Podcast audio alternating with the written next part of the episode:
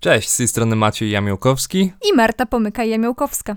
Witamy Cię serdecznie, to jest podcast Legal Stories oraz cykl Czwartki dla Twórców. Jeśli jesteś twórcą lub pracujesz w branży kreatywnej, to dobrze trafiłeś, bo w ramach tego cyklu będziemy co drugi czwartek przekazywać Ci dawkę konkretnej wiedzy prawniczej, która może nieco ułatwić Tobie codzienną pracę.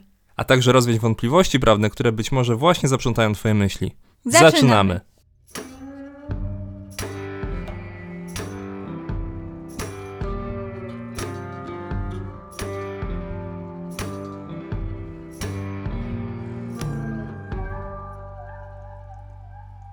W dzisiejszym nagraniu opowiemy sobie o relacji z problematycznym klientem. Odpowiemy także na pytanie, dlaczego dobra umowa z klientem to podstawa, a wszystko to w oparciu o konkretną i autentyczną sprawę właśnie z trudnym klientem w roli głównej. Może miałeś kiedyś okazję pracować dla kogoś, z kim umawiałeś się na X, a on po pewnym czasie oczekiwał od ciebie oprócz tego X jeszcze Y, a potem Z, a później to już nawet zaczął wchodzić w Z i Z. Jeśli tak, to jesteś w dobrym miejscu. Jeśli nie, to zaufaj nam, że prędzej czy później prawdopodobnie na kogoś takiego trafisz. Na potrzeby tego nagrania nazwijmy taką osobę po prostu trudnym klientem. Przekażemy Ci dziś konkretne wskazówki, w jaki sposób już na samym początku współpracy minimalizować ryzyko późniejszych problemów z takim klientem. Trudni klienci przytrafiają się właściwie w każdej branży. Dziś skupimy się jednak na przykładzie sporo projektantki wnętrz właśnie z trudnym klientem. Jednak nasze uwagi i wnioski będą uniwersalne również dla innych branż. W dzisiejszym podcaście przeanalizujemy sobie sprawę, która była rozpatrywana przez Sąd Rejonowy i Sąd Okręgowy w Olsztynie. Sprawa ta dotyczyła umowy, którą zawarła projektantka wnętrz ze swoją klientką. Początkowo współpraca ta przebiegała pomyślnie, ale z czasem klientka zarzuciła projektantce, że ta nie wywiązuje się z terminów, dostarcza jej projekty po terminie, że początkowo były umówione na to, że pierwszy projekt dostarczy projektantka w listopadzie, a dostarczyła go w grudniu. Klientka wskazywała przed sądem, że ten projekt nie odpowiadał jej, że musiała projektantka nanosić kolejne poprawki na ten projekt i że tak naprawdę dostarczyła jej ten kolejny już po poprawkach projekt dopiero w lutym. Także główna oś sporu dotyczyła nieterminowego wykonania obowiązków przez projektantkę i klientka zarzucała też projektantce, że nie wykonała pozostałych postanowień umowy.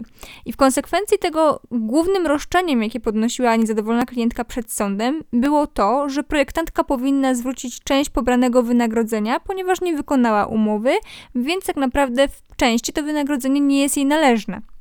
Oczywiście projektantka się broniła przed sądem i wskazywała, że owszem, zawarła taką umowę ze swoją klientką, zgadzała się co do zakresu swoich obowiązków, które wskazywała również klientka przed sądem.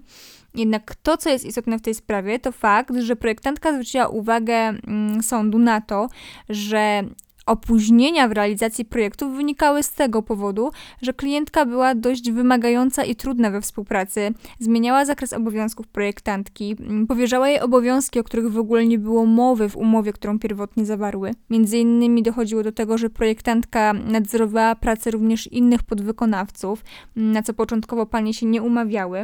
Mm, no i do tego też projektantka stała na stanowisku, że umowę wykonała, nawet zrobiła w ramach tej umowy więcej niż początkowo zakładała i że wynagrodzenie jest jej należne. Jak więc do tego podszedł sąd, biorąc pod uwagę tak różne stanowiska klientki i projektantki, które oczywiście broniły swoich stanowisk? Tak jak wspominaliśmy na początku, sprawa była rozpatrywana w dwóch instancjach przez sąd rejonowy i okręgowy. Sąd pierwszej instancji, czyli sąd rejonowy, stwierdził, że projektantka wywiązała się z umowy zawartej ze swoją klientką.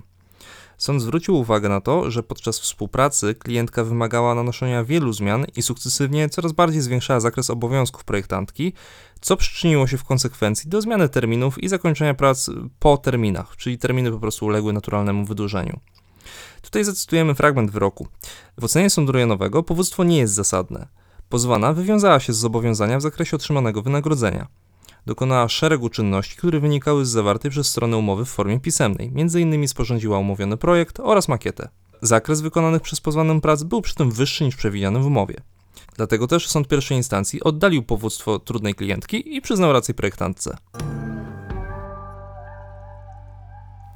Oczywiście ten wyrok nie satysfakcjonował niezadowolonej klientki, dlatego skorzystała ona z prawa do wniesienia apelacji i zaskarżyła wyrok sądu pierwszej instancji. W drugiej instancji sprawę rozpatrywał sąd okręgowy, który zgodził się ze stanowiskiem sądu rejonowego i stwierdził, że powódka nie udowodniła swojego roszczenia i nie wykazała w toku procesu sądowego, że zakres prac wykonanych przez projektantkę był mniej warty niż wynagrodzenie, które projektantka pobrała. Także z batalii sądowej zwycięsko wyszła projektantka.